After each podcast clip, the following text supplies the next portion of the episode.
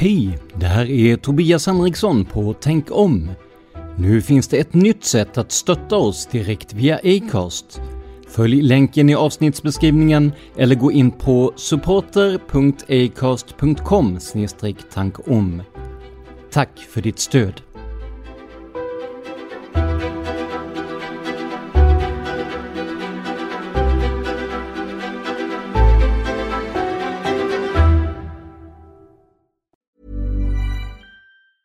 Hey, it's Danny Pellegrino from Everything Iconic. Ready to upgrade your style game without blowing your budget? Check out Quince. They've got all the good stuff shirts and polos, activewear, and fine leather goods, all at 50 to 80% less than other high end brands. And the best part? They're all about safe, ethical, and responsible manufacturing. Get that luxury vibe without the luxury price tag. Hit up quince.com slash upgrade for free shipping and 365 day returns on your next order. That's quince.com slash upgrade. Ever catch yourself eating the same flavorless dinner three days in a row? Dreaming of something better? Well, HelloFresh is your guilt free dream come true, baby. It's me, Gigi Palmer. Let's wake up those taste buds with hot, juicy pecan crusted chicken or garlic butter shrimp scampi. Mm. Hello Fresh. Stop dreaming of all the delicious possibilities and dig in at HelloFresh.com. Let's get this dinner party started. Millions of people have lost weight with personalized plans from Noom, like Evan, who can't stand salads and still lost 50 pounds. Salads, generally, for most people, are the easy button, right? For me, that wasn't an option. I never really was a salad guy. That's just not who I am. But Noom worked for me. Get your personalized plan today at Noom.com. Real Noom user compensated to provide their story. In four weeks, the typical Noom user can expect to lose one to two pounds per week. Individual results may vary.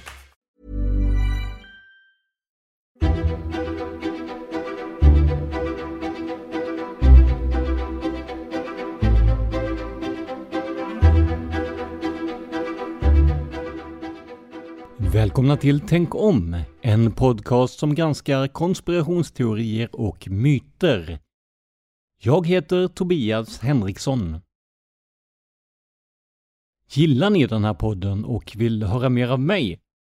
Gå i så fall gärna in på patreon.com tankom och sponsra oss med en summa per avsnitt. Det är alltså patreon.com tankom. Alla bidrag är välkomna, så stort tack för din hjälp. Om du inte har möjlighet att sponsra så får du gärna dela med dig till vänner och bekanta så att fler upptäcker podden. Det kan ni till exempel göra via vår Facebook-sida som finns på facebook.com tankom.se. Innan vi startar vill jag be om ursäkt för att podden inte kommit ut med den regelbundenhet som den ska. Jag blev under en period tvungen att prioritera den del av mitt arbete som gav inkomster, vilket Tänk om inte gör än så länge. Det gjorde att jag fick lägga min tid på podden Palmemordet och de dubbningar som jag gör. Det här är ett tråkigt beslut, men nödvändigt för att jag ska kunna klara mig på min enskilda firma. Tanken är dock inte att korta ner podden eller göra den i säsonger, utan fortsätta som tänkt med avsnitt varannan vecka. Blir det förseningar eller andra problem uppstår så hittar ni informationen om det på Facebook. Men givetvis ska jag göra allt för att detta inte ska upprepas. Ett sätt att se till att podden lönar sig och därmed göra att jag kan lägga ner mer tid på den är som sagt att sponsra på Patreon. Och jag vill rikta ett särskilt tack till dem som redan stöttar oss. Några är nämnda sedan tidigare, andra inte. Men tyvärr, får man väl säga, är ni inte fler än att det går snabbt att räkna upp er igen. Så stort tack till Tänk Oms kära Patreons Fia, Sara, Jonas, Lars-Göran och Niklas. Nu sätter vi igång med dagens avsnitt. Today's edition presents a roundup of the latest developments in the finding of a flying disc. Late this afternoon, a bulletin from New Mexico suggested that the widely publicized mystery of the flying saucers may soon be solved. Army Air Force officers reported that one of the strange discs had been found and inspected sometime last week. Idag ska vi angripa en riktigt spännande teori som har sitt ursprung i ett ämne som vi kommer att ta upp i detalj senare. Vi ska nämligen beröra en händelse som kom i kölvattnet av den misstänkta ufo-kraschen i Roswell 1947. I korthet sa man att ett oidentifierat flygande föremål hade kraschat där, men detta korrigerades senare till att vara en spaningsballong, eller möjligen en väderballong beroende på källorna. Det ni hörde nyss var delar av den radioutsändning på ABC som berättade om det flygande tefatet, som man då sa att det var. Som Acast-användare kan se nu var även lokaltidningen Roswell Daily Record övertygade om att det var ett flygande tefat. Och den här versionen skapade både panik och spänning hos traktens invånare. Men tänk om man inte bara hade besök av ufon. Tänk om man faktiskt lyckades tillfångata utomjordingar, döda eller levande. Det påstod i alla fall tv-bolaget Fox i en dokumentär som heter Alien Autopsy, Fact or Fiction. Deras bevis byggde på en film som visade en obduktion av vad som var en närmast kuslig likhet med hur vi idag ser på utomjordingar. Filmen ska ha spelats in av en anonym pensionerad militär och långt senare köpts upp av den Londonbaserade affärsmannen Ray Santilli. 1995 offentliggjordes filmen och fick som sagt stort genomslag genom Fox dokumentär om den. Filmen, som alltså sades vara originalet från 1947, visar en tidstypisk obduktionssal där män i skyddsdräkter genomför vad som ser ut att vara en obduktion på en utomjording. Filmen är 17 minuter lång och filmad i svartvitt. Efter visningen av filmen på Fox uppstod en mediahysteri som många inte upplevt innan. Bland annat skrev Times Magazine att filmen skapat en debatt som vi inte sett maken till sedan Zapruder-filmen, alltså den amatörfilm av Abraham Zapruder som visar det ögonblick när president John F Kennedy skjuts. Även det här ämnet kommer vi att gå till botten med när vi når mer finansiering. Och troligen blir det en hel sommarspecial. I dokumentären berättar efterlevande till militärerna som var först på plats om upplevelserna. Bredvid det man sa var ett kraschat flygande tefat låg två kroppar samt en kortväxt varelse som gick omkring, uppenbarligen fortfarande vid liv.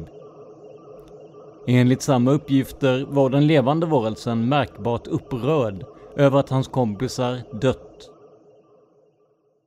Vittnesmål från tiden, som sammanställts av journalisten Kevin Randall, menar att kropparna sedan fördes till en gallerförsedd byggnad vid en av hangarerna på militärbasen.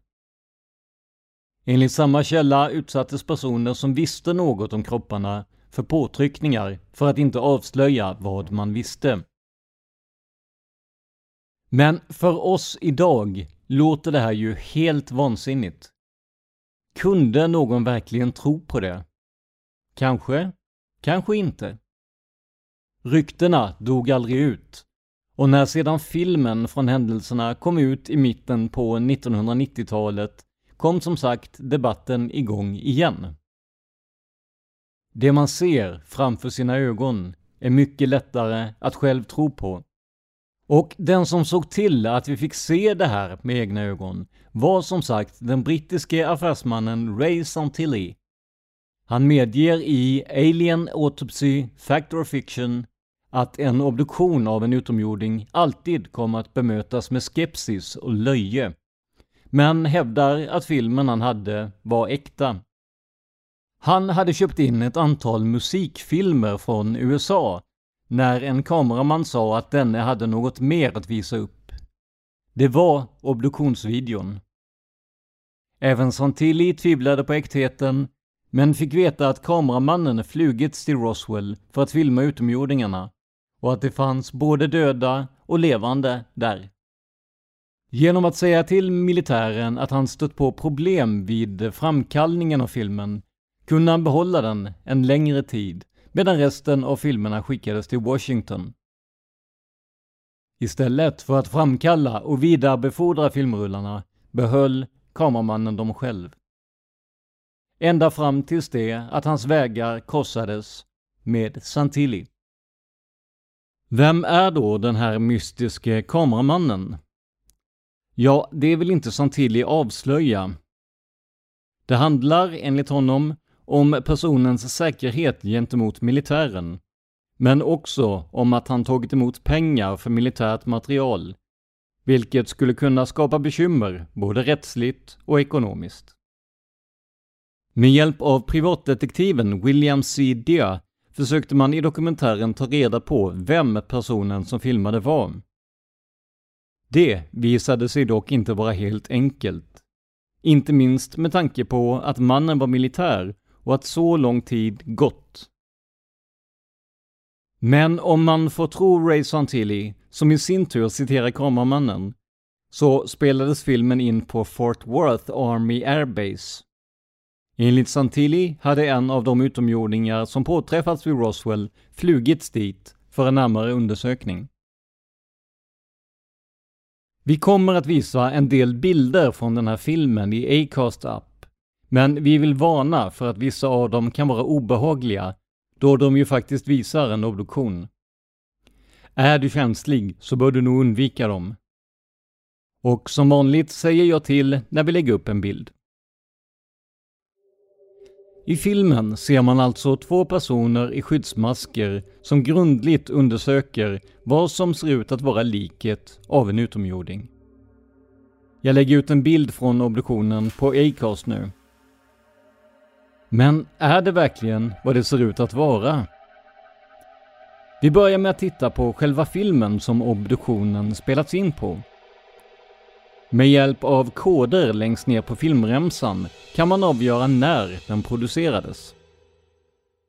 I det här fallet säger experter att filmremsan tillverkades 1947 eller 1967, vilket man kan avgöra av att markeringen på remsan är en fyrkant och en triangel. Detta säger såklart inte att den är från 1947, men det ökar sannolikheten. Även experter på filmteknik granskade sekvensen med den påstådda obduktionen. Och här råder det delade meningar.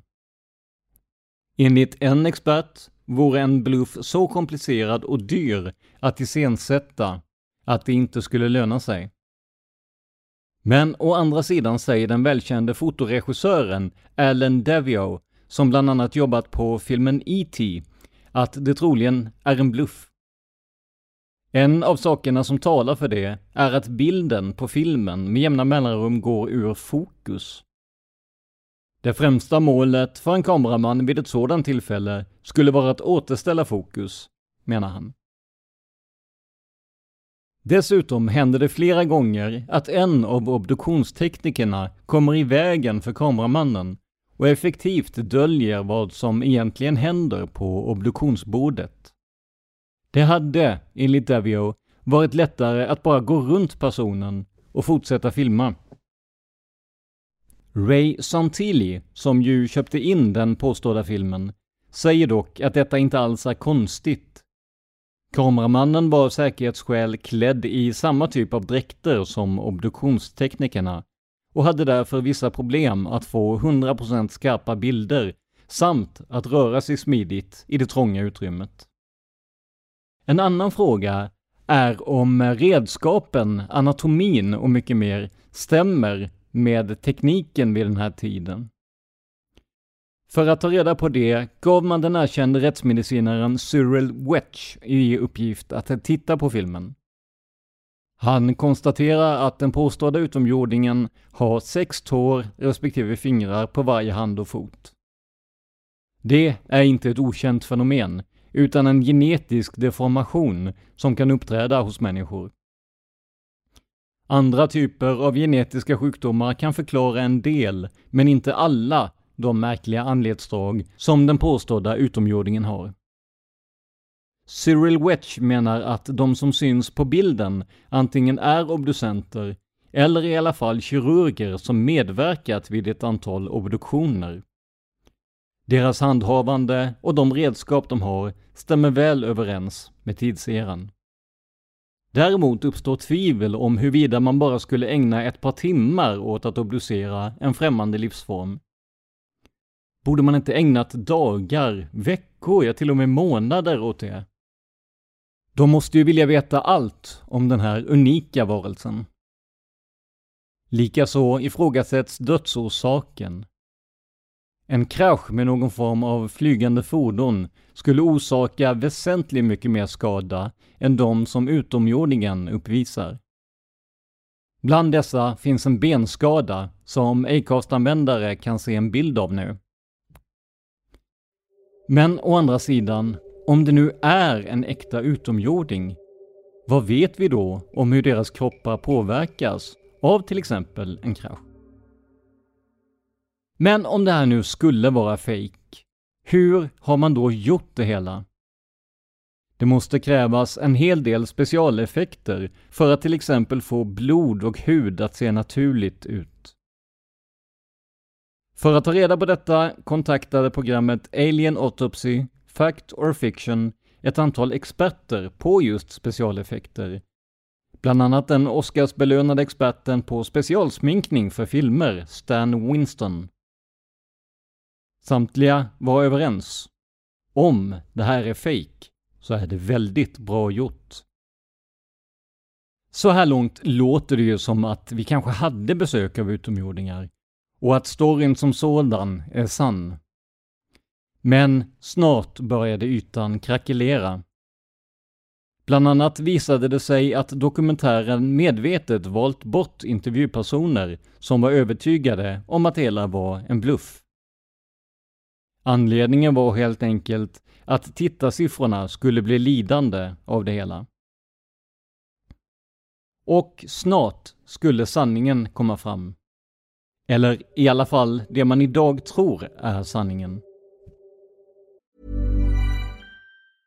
Ready to pop the question? The jewelers at BlueNile.com have got sparkle down to a science with beautiful lab-grown diamonds worthy of your most brilliant moments. Their lab grown diamonds are independently graded and guaranteed identical to natural diamonds, and they're ready to ship to your door. Go to Bluenile.com and use promo code LISTEN to get $50 off your purchase of $500 or more. That's code LISTEN at Bluenile.com for $50 off. Bluenile.com code LISTEN. Ever catch yourself eating the same flavorless dinner three days in a row?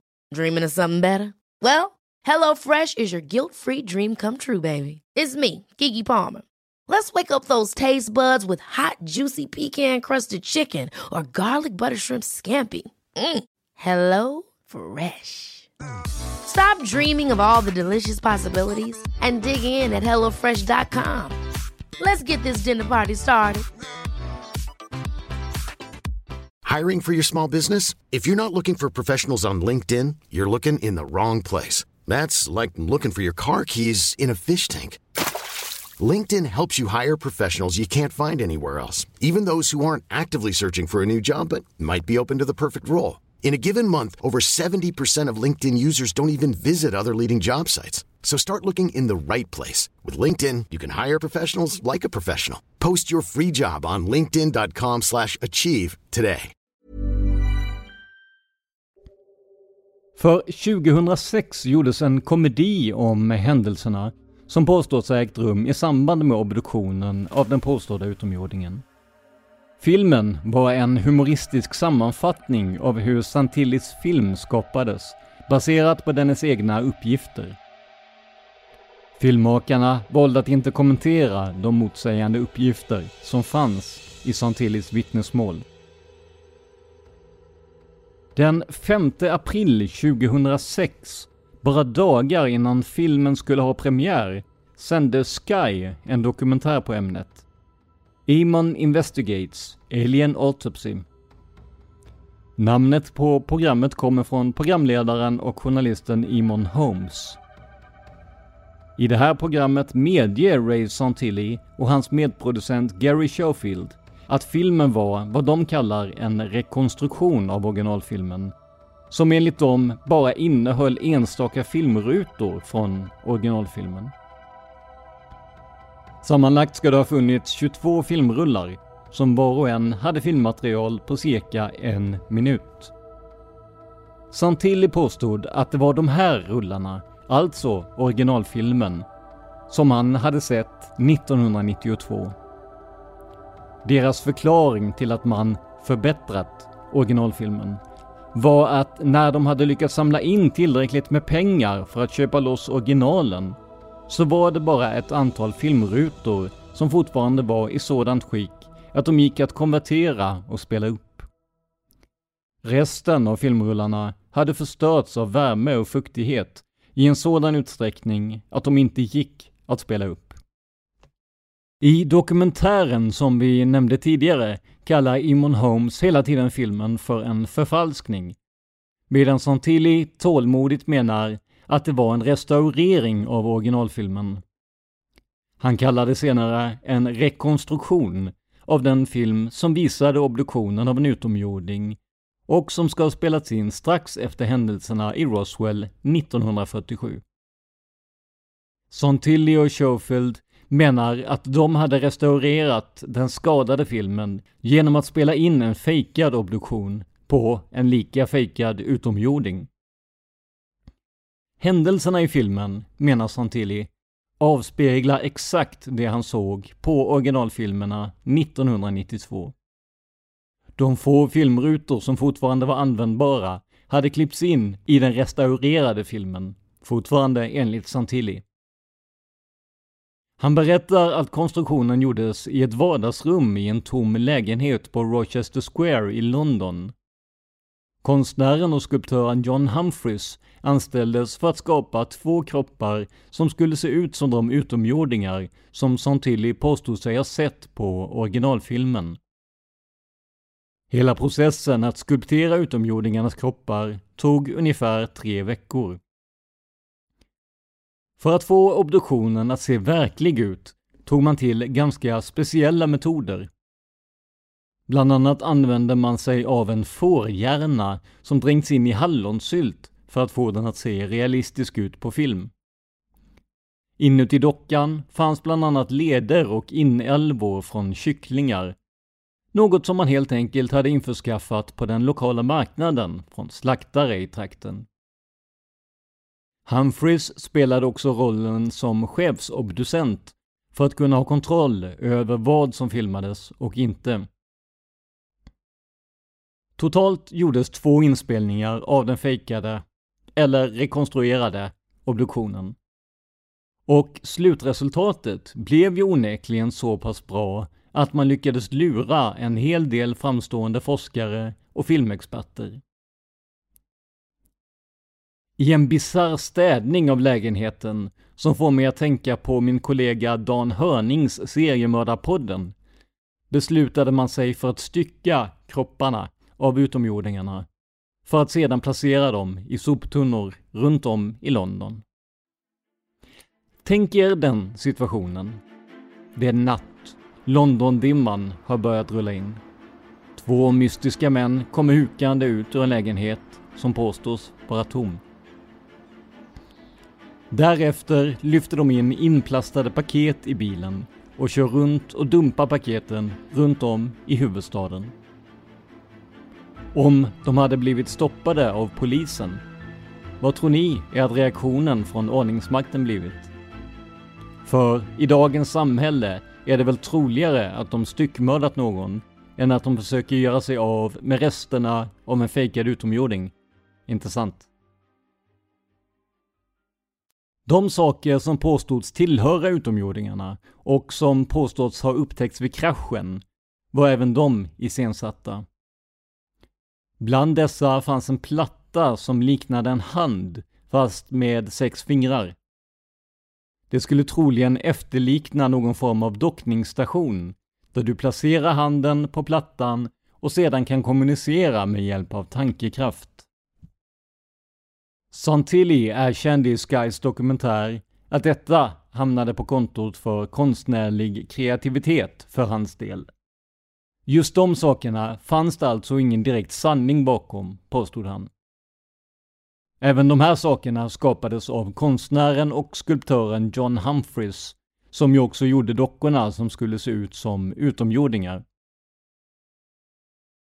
Filmen visar också en man som läser upp ett uttalande som tycks verifiera hans identitet som den person som ursprungligen filmade obduktionen 1947. Men som Tilly och Schofield medgav senare i dokumentären att de hade stött på en okänd hemlös man på Los Angeles gator och övertalat honom att spela rollen som kameramannen. Den hemlöse mannen filmades på ett motell. Amon Investigates Alien Autopsy släpptes senare på DVD, men då i en något redigerad version. Vi ska också tillägga att båda de här dokumentärerna finns att se i sin helhet på Youtube. Länkar hittar ni i avsnittsbeskrivningen. Vad hände då med huvudpersonerna och framförallt Ray Santilli efter att det avslöjats att hans film var en bluff? Eller med hans ord, en rekonstruktion. Det är inte helt lätt att ta reda på, men att döma av hans sidor på bland annat Internet Movie Database ska han sedan bakslaget med UFO-filmen ägnat sig åt att producera musikvideo och musikdokumentärer, bland annat om Bob Marley. Han har också gjort en dokumentär om bandet One Direction. Något som är intressant är att detta inte var Santillis enda försök att förfalska eller förbättra en UFO-film. På UFO-Sveriges hemsida kan vi läsa om den så kallade tältfilmen, en film som även den ska ha spelats in av samma mystiske kameraman som filmade obduktionen vi pratat om. Även den här filmen ska ha kretsat kring händelserna i Roswell. Och även den här filmen visade sig vara fake. Keith Bateman, en av dem som hjälpte till att förverkliga den senare filmen, säger att de först försökte hitta en passande skyltdocka att använda som utomjording. Men det gick inte. När de hörde sig för hos Elstree Studios om de inte kunde göra en utomjording fick de veta att det skulle kosta 25 000 pund. En mindre förmögenhet redan på den tiden. Till slut bestämde de sig för att tillverka varelsen på egen hand. Ljudteknikern Elliot Willis gjorde om en gammal perukhållare och tillsammans med den lokala slaktaren Roger Baker spelade han sedan rollen som obducent. Andy Price Watts 12-årige son fick spela utomjording med sitt huvud ersatt av perukhållaren. Även den här filmen fick en gigantisk spridning och många tycktes tro att den var autentisk. Något som förvånade Bateman, som ju visste att det hela var en bluff. Men låt oss återgå till den film av obduktionen som det här avsnittet ju handlat om. Vad kan vi säga om dess trovärdighet och eventuella äkthet? Ray Santilli erkänner ju själv att filmen är fejkad, eller rekonstruerad som han säger. Men vidhåller att det finns en sanning bakom historien och att delar av originalfotot finns inlagt i rekonstruktionen. Problemet är att varken han eller någon annan kan se vilka filmrutor som eventuellt kommer från 1947. Alltså finns det inget som motsäger att hela filmen är en bluff. Att den påstådde kameramannen från 1947 är oidentifierad och inte kan frågas ut om sanningshalten är ytterligare ett slag mot filmens trovärdighet. En sak som jag funderade på är hur filmrullarna överlevt från 1947 till 1992 utan att förstöras. Men sedan lyckades bli i ett så dåligt skick så snabbt att de inte alls gick att använda i den färdiga filmen. Det låter långsökt, minst sagt. Om man nu sitter på en sådan skatt som bilder på en utomjording, ser man då inte till att förvara dessa på ett sådant sätt att de absolut inte kan förstöras eller på annat sätt försvinna? Och om den här originalfilmen faktiskt fanns, varför dröjde det till 1992 innan den kom fram i ljuset? En relativt okänd person från London borde ju inte heller vara det första valet om man vill avslöja en stor konspiration inom den amerikanska militären. Man kan tycka att den som satt på den påstådda filmen borde omsatt den i pengar och eventuell berömmelse relativt snart efter händelsen. Men tillräckligt länge för att det skulle ha lugnat ner sig. Skadorna på den påstådda utomjordingen är en annan sak. Om de är så lika människor i övrigt att de får likadana sår och till och med visar känslor när deras kamrater dog. Hur kommer det sig att de bara uppvisar en enda skada efter en förmodligen våldsam krasch med sin flygande farkost? Allt det här leder mig bara till en enda slutsats. Och det är att hela filmen är en bluff. Myten om obduktionsfilmen är alltså spräckt. Jag sträcker mig till och med så långt som att säga att originalfilmen aldrig funnits. För i så fall borde den kommit upp till ytan långt tidigare än 1992. 45 år efter händelserna i Roswell. Men vad var det egentligen som kraschade i Roswell? Vad vet vi idag om farkosten och vad som hände? Och hur rapporterade media på den tiden om det? Det ska vi titta på i senare avsnitt av Tänk om. För att vi inte filmat en obduktion av utomjordingar innebär ju inte att vi aldrig haft besök av dem. Eller vad tror ni? Nu är det dags att avrunda dagens avsnitt och det gör vi som vanligt med att fråga vad ni tycker om det här avsnittet. Gå in på facebook.com tankom.se eller sök på Tänk om i Facebook-appen och kommentera avsnittet. Ge mig era bästa argument för och emot en obduktion av en utomjording och diskutera gärna med andra lyssnare. Ni kan också följa oss på Instagram där vi finns under företagsnamnet PRS Media. Ett ord, små bokstäver. Och som jag sagt innan, den här podden överlever med hjälp av reklamintäkter och donationer. Så om du har möjlighet får du gärna gå in på patreon.com tankom och donera en summa som podden får per publicerat avsnitt. Om det blir som de senaste veckorna, det vill säga att det inte kommer något avsnitt, så betalar ni heller ingenting. Om du hellre vill donera en engångssumma via Swish så går det också bra. Kontakta mig i privat meddelande på Facebook för att få numret. Och det kan ni göra från Tänk Oms Facebook-sida. Tusen tack för ert stöd.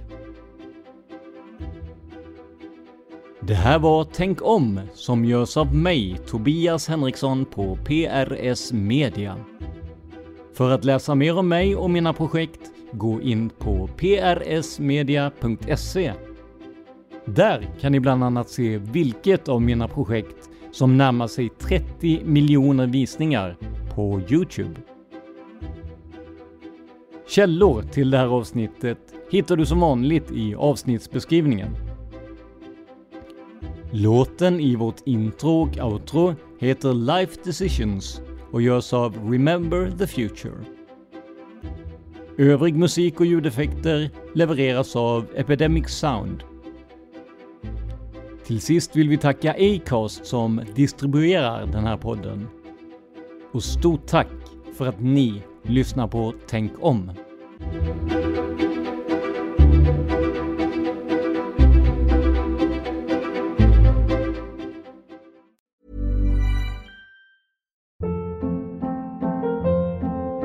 Hold up. What was that? Boring. No flavor. That was as bad as those leftovers you ate all week. Kiki Palmer here, and it's time to say hello to something fresh and guilt-free. Hello Fresh. Jazz up dinner with pecan-crusted chicken or garlic butter shrimp scampi. Now that's music to my mouth. Hello Fresh. Let's get this dinner party started. Discover all the delicious possibilities at hellofresh.com. When it comes to your finances, you think you've done it all. You've saved, you've researched, and you've invested all that you can. Now it's time to take those investments to the next level by using the brand behind every great investor, Yahoo Finance. As America's number one finance destination, Yahoo Finance has everything you need, whether you're a seasoned trader or just dipping your toes into the market. Join the millions of investors who trust Yahoo Finance to guide them on their financial journey. For comprehensive financial news and analysis, visit yahoofinance.com, the number one financial destination, yahoofinance.com.